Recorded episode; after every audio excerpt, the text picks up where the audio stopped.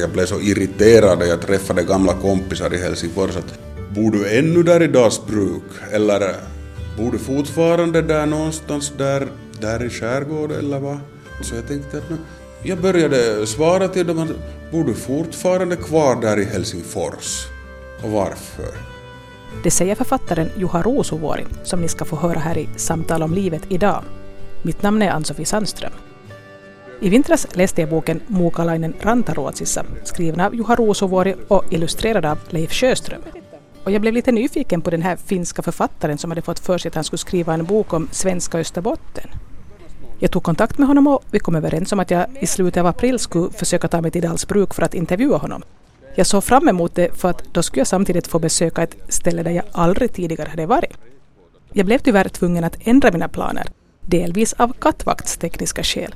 Men som tur var råkade Juha Rosuvuori vara på väg till Österbotten i april när den svenska översättningen av Österbottenboken var alldeles pinfärsk. Så trots att jag var besviken över att inte kunna besöka Dalsbruk så gjorde jag det som var möjligt och stämde träff med Juha Rosuvuori på ett centralt hotell i Vasa. Det här, det här O'Malley ska vara ganska tyst den här tiden. Ska vi gå och titta? Ja, vi kan gå och titta. Vi kan börja och så ser vi. Om jag märker att det är för mycket så måste vi flytta oss. Ska vi beställa någonting?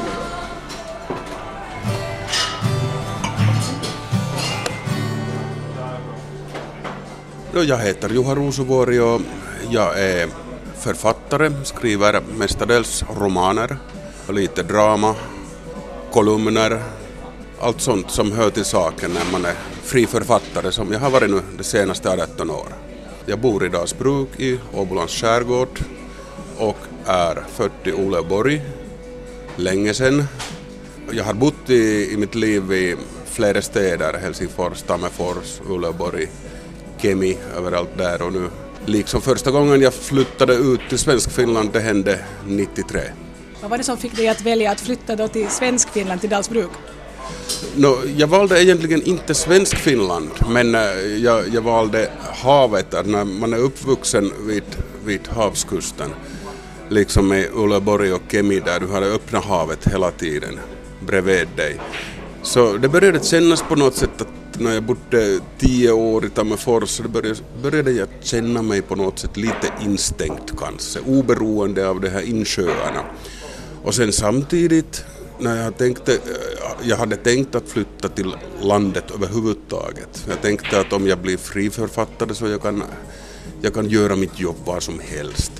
Men det blev så lyckligt, jag träffade min fru i Tammerfors studenthus, en konsert av Emma Numminen det var äh, första dagen maj 92 och sen efter ett års övervägande så jag flyttade till Dalsbruk. Ja, alltså för att hon redan bodde där? Hon hade sitt jobb där redan, hon hade varit där redan tre år.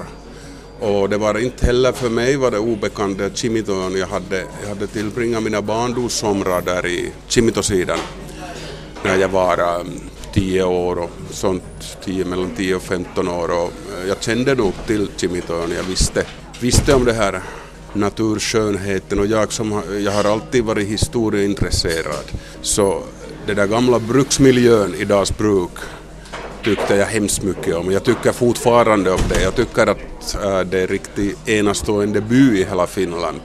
Man tänker gamla byggnader och gamla bruksparken och Sen har du fabriken där som fungerar, att det är inte något utemuseum, att det, det, det levande brukssamhället vid havet. Så det, det är jätte, jättetrevligt ställe på det sättet. Att det, det liknar inte så liksom man skulle tänka en sån vanlig finsk kyrkoby där du har, du har bara, bara en väg som går däremellan och där är, där är banker och S-market och sånt. Att det är så mycket annat att eh, Dalsbruk egentligen liknar en liten stad.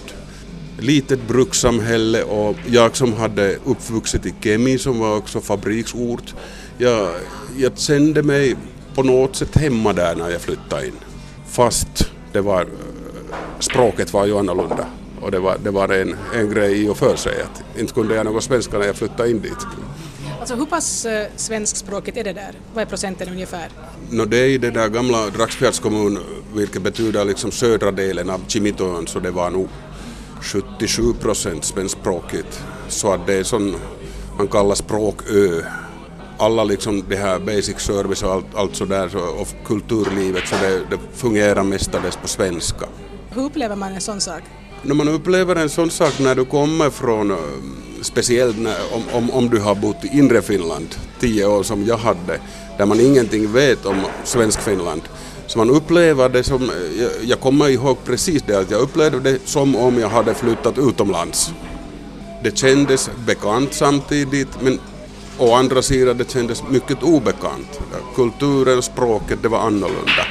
Fast du var i Finland. Det var lite, på sätt och vis, jag hade lite samma känsla när jag besökte Los Angeles. Så att det är liksom att äh, det var europeiskt på sätt och vis, men å andra sidan det var mycket främmande. Jag hade samma känsla. Så att jag tänkte att nu, nu är jag utomlands, vad ska jag göra nu med mitt yrke till exempel? Jag är finsk författare. Att vad ska jag göra nu? Ska jag byta språket helt och hållet och börja skriva på svenska eller vad ska jag göra? Och att det inte liksom hör, hör ihop med Finland det här hela orten. Men, men det var nu inte, inte så. Det har, det har egentligen det har haft bara positiv inverkan i mitt yrke skulle jag säga. På vilket sätt? No, jag, har, jag har rest mycket alltid i mitt liv och, och allt som man liksom upplever i främmande kultur, allt sånt som är, som är utanför rutinen och, och rutinmässiga vardagslivet, det, allt är mycket välkommen i författaryrket för du, på sätt och vis du är hela tiden och du vill hämta nya erfarenheter någonstans. Och så kändes i första början innan det blev vardag till mig. Du sa att du har bott där i, hur många år sa du? Du har bott där jättelänge? Jag har bott 18 år där nu. Ja. Samtidigt som du blev frilans? Ja. ja, samtidigt ja. Så har det fungerat bra och det är tillräckligt nära till Helsingfors och Åbo. Det blir mer och mer oljud i puben där vi sitter så vi bestämmer oss för att dricka ur det vi har beställt och så försöker vi hitta ett lugnare ställe. Vi går från puben till hotellavdelningen och träffar en vänlig person som låser upp ett litet kabinett åt oss och där kan vi sitta ostörda. Vad trevligt. Vad var det vi blev? Vi hade kommit in på det här med att du hade flyttat till svensk Finland och hur det kändes. Nu ska vi gå tillbaka till det här. Du växte upp alltså i Uleåborg och du nämnde Kemi. Du föddes i Uleåborg och sen ja, Kemi. Ja. Vad hade du för fantasier om att du skulle sen göra när du blev stor? No, jag tror att eh, på 60-talet när jag var en ung pojke så vi hade nog inga datorer så att eh, vi läste böcker och vi, vi samlade frimärken och registerplåtnummer och allt sånt. Och jag tror att eh, vi alla hade, hade sån dröm att vi skulle bli sjökapten att det var där på kusttrakterna. Det var inte det här lokförare var inte så populärt, men jag tycker att sjökapten var något sånt som skulle ha varit värt att bli. Men sen när jag blev större på riktigt så jag hade egentligen inte den där drömmen att bli författare. Att när jag var 15-16 år, jag var hemskt mycket, jag var teaterintresserad. Jag tänkte att kanske skulle jag bli teaterregissör. Men sen blev det bara så att när jag hade skrivit student 76 så jag flyttade till Tammerfors och började studera journalistik, sociologi och såna konsthistoria och sådana ämnen. Var du en sån att det förväntades av dig att du skulle bli student, att du skulle studera vidare? Eller var det någonting som du själv hade som mål? Nej, nu var, det, nu var det först och främst mina föräldrar som hade gått bara i mellanskolan. Det var de tänkte att det skulle vara ganska klart att jag kunde, för jag har, jag har alltid läst mycket, jag har läst mycket böcker och jag har varit tämligen bra i skolan därför att jag har intresserat mig av, av språken och historia och geografi, sådana ämnen hemskt mycket. Inte matematik. Men jag tycker att det var så självklart att jag ska fortsätta i universitet. Men det var, det var bestämt inte så att det skulle, det skulle ha varit mina föräldrar som, som hade sagt till mig att, att du ska bli det och det, att du ska bli jurist eller läkare nu när du far dit en gång. Så, så att det, var, det var fritt fram, att jag kunde välja själv. Och så valde, valde jag på det sättet att jag, jag tog det här samhällsvetenskapliga ämnen och konsthistoria som i princip de leder ingenstans. Men eh, som huvudämne journalistik så jag visste att åtminstone att jag skulle ha ett yrke åtminstone i bakfickan. Men eh, jag hade inte ens då tycker jag att jag hade den där drömmen att bli författare som många har i sina unga år att jag ska bli författare. Många har bestämt det redan när de var 12-åriga eller något sånt, eller så säger de åtminstone. Men Jag kunde inte bli det för jag visste nog att det är, nu, det är så oerhört svårt att få igenom något manuskript hos förläggarna och uh, sen man kan inte förtjäna pengar på det. Jag måste liksom livnära mig på något sätt så att det blir den här journalismen sen för ett tag. Så det var först sen när jag var 30 år gammal började planera en framtid som författare. Vad var det som sen fick dig att i 30-årsåldern börja tänka på att du skulle ändå bli författare då, om du inte hade tänkt på det tidigare? Ja, det, det, det är svårt att förklara. Jag tror att uh, kanske tänkte jag att jag, jag kanske kan skriva så bra nu att jag, jag har den här möjligheten rent, rent ekonomiskt göra det. Jag kunde livnära mig med skrivandet, att jag, jag, jag kunde skriva så mångsidigt att jag kunde få pengar in på det sätt så att jag kunde försöka där vid sidan om skriva en roman. För det var, det var alltid, i mitt liv har det alltid varit liksom, första, första saken har varit det att, att eh, jag måste kunna leva på något sätt, helt och hållet. Och inte att jag vill, jag vill inte svälta ihjäl medan jag, jag skriver ett försök till roman.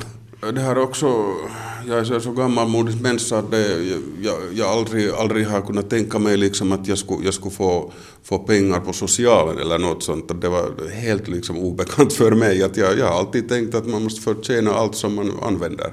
Man kan inte, inte leva på lån hela tiden. Att jag, jag har alltid, alltid känt mycket obehag att leva på lån. Hur gick du tillväga då när du började planera din tillvaro som fri författare? No, det, var, det var ju svåra tider på det sättet att jag, jag hade varit verksam i den här humortidningen Pahkasika i Tammerfors för åtta års tid. Och sen kom det här stora laman i början av 90-talet. Så det, det betydde det att, att den här cirkuleringen gick neråt hela tiden med stor fart och jag, jag hade fått lejdon av det där, att, att göra det där samma, samma tidning åtta år. Jag tänkte att man måste, jag måste kunna, kunna börja göra något annat när jag börjar vara 30 år och jag är, jag är gammal och anständig person och jag måste, jag måste göra något annat i mitt liv än det där och lyckligtvis det, det hade också, också blivit omöjligt för, för den skull att det inte sålde tillräckligt den där tidningen, att jag kunde inte livnära mig på det. Så jag, jag fick beställningsarbete från Tampereen työväenteatteri och, och skriva barnpjäs till dem. Och den tiden det betydde ganska, ganska mycket. Och jag tänkte att samtidigt jag fick romanmanuskript liksom genom där på VSO, så tänkte jag att nu är det två så bra tecken i luften så att säga.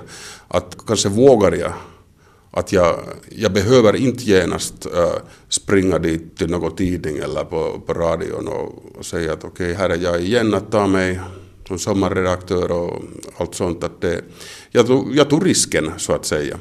Hur var din livssituation då? Liksom?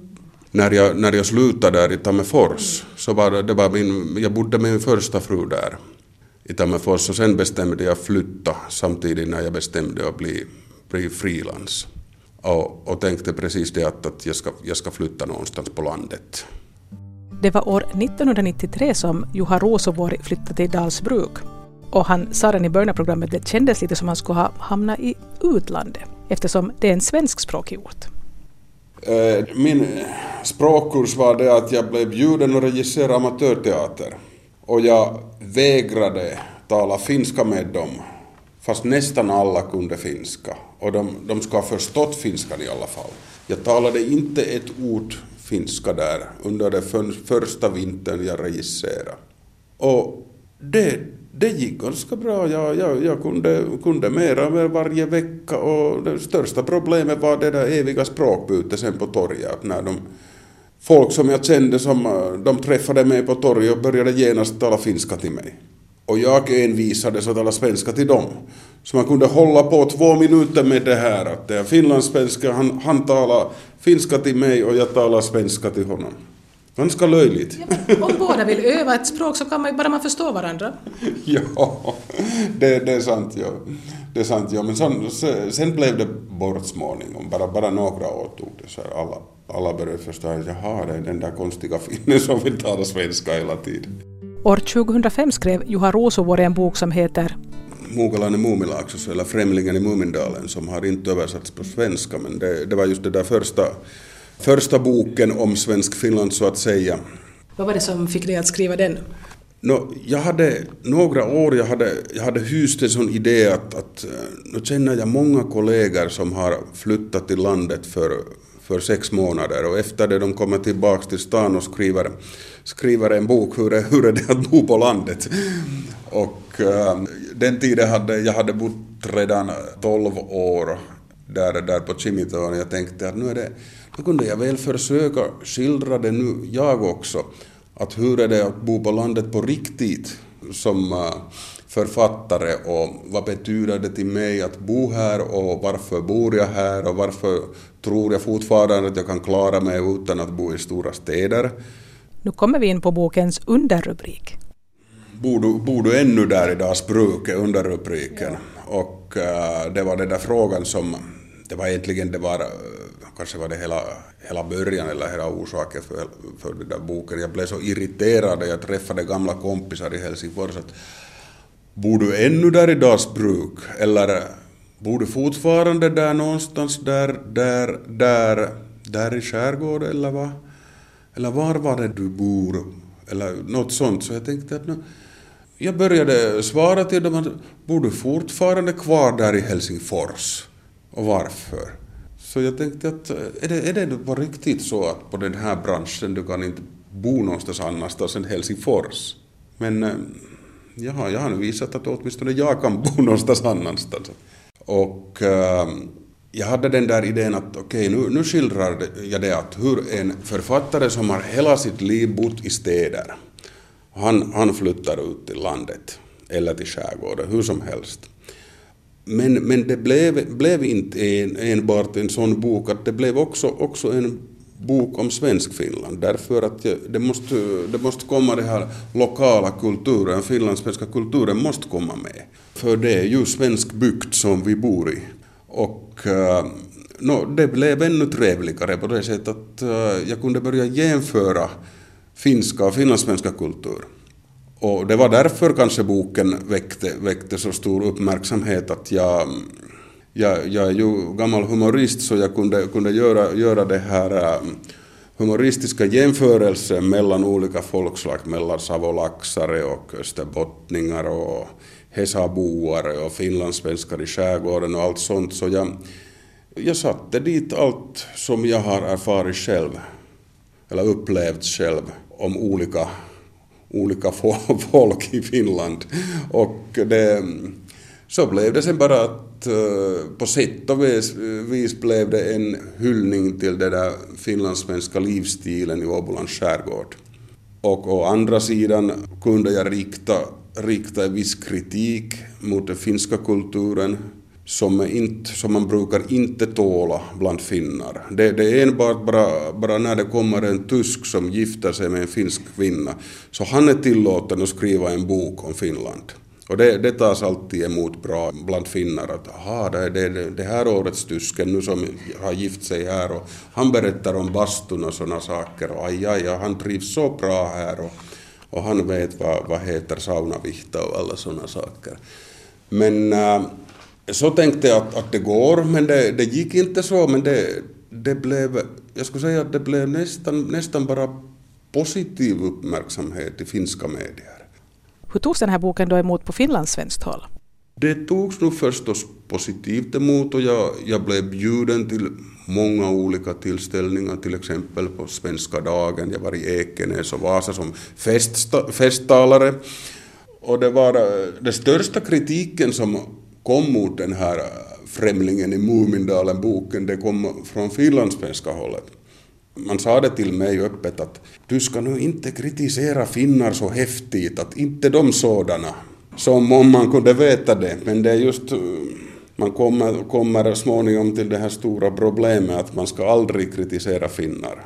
För att man ska hålla sig undan och inte säga något negativt om finnar. Men eh, jag hamnar och svarar alltid till dem att nu, nu kan jag göra det för jag är en finne. Jag är, jag är uppvuxen i Finland och levde 35 år av mitt liv i Finland, finska Finland. Så jag kan väl göra det bättre än ni. Jag re representerar majoritetsfolket men jag är minoritet i deras bruk. Jag tycker hemskt mycket om det här jämföra saker. jämföra till exempel olika nationer och olika folk med varandra. Och vi har alla våra uppfattningar om tyskar och om italienare och sådär. Så varför kunde man inte göra det i Finland lika väl? För det är två olika kulturer med två olika språk. Och sen är det också en sak att det är egentligen två olika kulturer oberoende av språkgränserna. Att det finns västfinländare och östfinländare. Det var nytt för mig. Det var, väl, var det i Hesaris månadsbilaga som det var en lång artikel om det här i somras? Var det ja, ja, man har kunnat prova det i, i genforskningen. Ja. Man har kunnat prova det att det är på riktigt så. Och, det, och den här idén hade jag redan sagt där i den här Mumindalen-boken att jag, jag tror att det finns kustfinnar och det finns inlandsfinnar. Och bland kustfinnar kan man räkna både svensk och finskspråkiga. Och det är annorlunda kulturer, de här. Och nu när eh, nästan alla, alla från Savolax har flyttat dit till Helsingfors, så Helsingfors har blivit ganska ostlig stad egentligen. Att det är inte mera kuststad. Det hör inte mera till kustkulturen. Som alla andra städer sen från och med Ekenäs ända till Torneå gör. Möter du några protester när du säger så här att folk nej men det kan det vara på det sättet att folk är liksom alla individer att man inte får generalisera? No, förstås, förstås, men jag, jag älskar att generalisera. Att det, det, är ju, det är min plikt som författare att generalisera. Att det, det är, författarna är ju hundar, det är det här latinska kavekanem, akta hunden. Att det, det, det är vår uppgift Eh, kritisera skarpt allt möjligt och vi kan, vi kan, vi kan säga mera än vetenskapsmän och det det tycker jag är roligt. Man, man måste ha i diskussionen sådana liksom kryddor. Att det inte, inte hela tiden bara å andra sidan det här, å andra sidan vi är nog individer alla, å andra sidan vi är alla jämlika fast vi inte är och, och sådär. Inte det är någon diskussion det. Vi hamnar in på ett längre stickspår om finnars fördomar mot finlandssvenskar och finlandssvenskars fördomar mot finnar och jag berättar om hur jag som första årsstuderande i Helsingfors, när jag faktiskt inte kunde finska, drabbades av vissa östfinska studiekamraters aggression, för de trodde att jag helt enkelt inte ville prata finska, fast jag faktiskt inte kunde. Det är hemskt många finnar som tänker att, att jo, jo, att de bara låtsas att nu, nu kan de finska alla. Hur kunde man kunna finska om du kommer från Molpe? Det är samma sak som mm, antagligen svenskundervisningen i många finska städer till exempel. Inte, inte lärde jag mig att tala svenska i kemi. Jag fick vokabulariet nog, det fick jag och det är jag tacksam för. Men inte att tala, inte att uttrycka mig, det, det lärde jag inte mig. Det är, just, det är just det här okunskapen ja. skulle jag säga. Att om man, om man tänker de där tolv åren som jag bodde i Tammerfors. Så man har en svensk skola där till exempel. Men inte hör man svenska där på gatan, det är ytterst sällan man kan höra finlandssvenska där på gatan. Och det betyder det att om du inte har någon anknytning till Svenskfinland så det betyder det att du har inte någon uppfattning om finlandssvenskheten överhuvudtaget. Det var till exempel jag, ett typiskt exempel, när jag flyttade till Dalsbruk. Och det är liksom första frågan jag, jag frågar en, en granne att hur är det, stöder ni ishockey, stöder ni Sverige eller Finland? Jag frågade en sån sak. Han sa Finland. Han blev inte arg heller? nej, nej, nej, jag vet inte om han hade nu bott någonstans i Finland också, att han visste om det här okunskapen. Men det, det, det är så stor den här okunskapen att man, kan, man, man tänker inte på den där saken. Man har inte någon uppfattning att vad gäller det för folk då? Att är de kanske liksom rikssvenskar som bor där på kusten? Man, man vet inte det, helt enkelt. Så, så det, det är så lätt att få sådana missförståelser sen.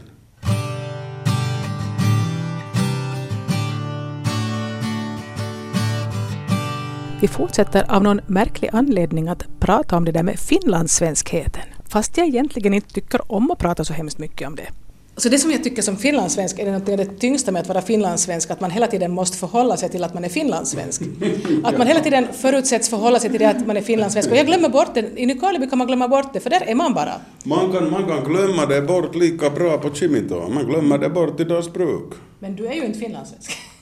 Inte jag, inte jag, men min fru som är ursprungligen en finne från Posio, hon är finlandssvensk nu. Hon är mantalsskriven finlandssvensk. Aha. Och så är våra döttrar också. Okay. Jag frågade Juha Rosuvuori hur länge det tog förrän han tyckte själv att han kunde börja uttrycka sig obehindrat på svenska. Jag tror att det, var, det hände efter ett år eller två år i Dalsbruk när jag, jag märkte att jag började, började söka ord på samma sak som man, som man gör i finskan, man gör tota noin niin kuin, det, det här, så det, det började komma på svenska det här samma, samma maner. Så jag tänkte, nej, nu, nu måste jag kunna svenska nu, när jag söker ord öppet och inte, inte formar sats här, här i hjärnan. Man ska praktisera och använda, använda hela tiden det språket, så, så är det bara så det är bra metod för jag som jag, jag är mycket lat, lat att läsa till exempel grammatik och sådana saker. Att jag, jag hatar grammatik. Också finsk grammatik, jag, jag tål inte alls det. Men du sa att du har döttrar som du registrerade som svenskspråkiga. Ja. Men vad har ert hemspråk varit? Vårt hemspråk är finskan när vi är alla fyra hemma. När det kommer deras kompisar in så blir det svenska. Och uh, telefonspråket med, med yngsta dottern det är svenska telefonspråket med äldre dottern är finska. Och eh, det, det fungerar bra. För sen, sen talar man ute talar man nog svenska nästan alltid för det nästa hela servicebranschen och så där eh, händer på svenska där. Och så, så har det gått nu att äh, mina, mina barn i svenska skolan och antagligen kommer att fortsätta all, all ut, utbildning på svenska, troligtvis.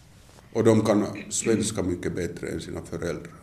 Att jag, jag börjar få såna ironiska, små ironiska leenden alltid när jag uttrycker mig fel. Vi har mycket goda grannar som är nästan alla finlandssvenskar där och man trivs bra på det sättet att eh, det jag tycker om där att eh, det är precis det att man har inte så hemskt bråttom till alla ställen. Att jag tycker nog att det är bara, bara jag som har, brukar ha bråttom många gånger när jag har för mycket arbete. Men om man tänker att man, det är så lätt att bli där och stå vid postlådan och resonera 10-15 minuter. Det är inte, inte långa tider och det, det är trevligt. Så att jag tycker, tycker av en sån kommunikation som händer liksom av en slump. Att man behöver inte, inte ordna stora kräftskivor eller något sånt för att kunna socialisera med folk.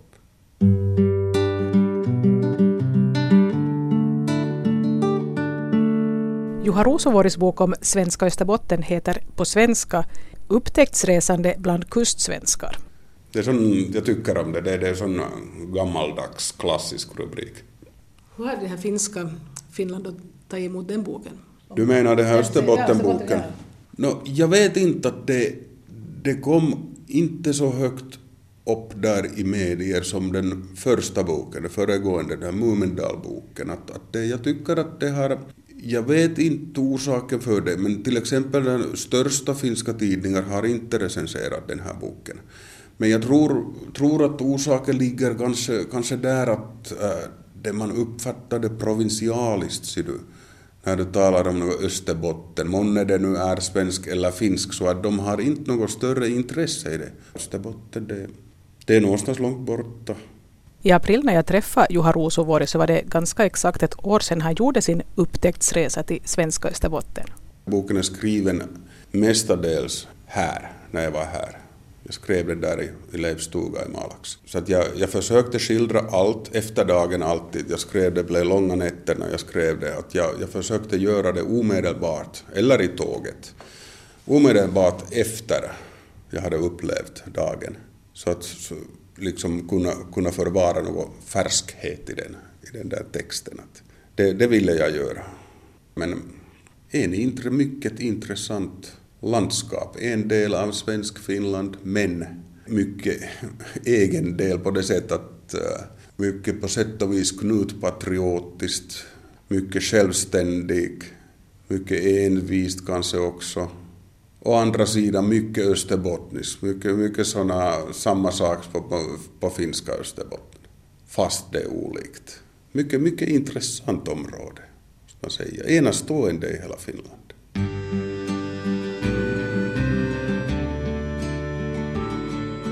Du har hört författaren Juha Ruusuvuori i ett samtal om livet. Mitt namn är Ann-Sofie Sandström.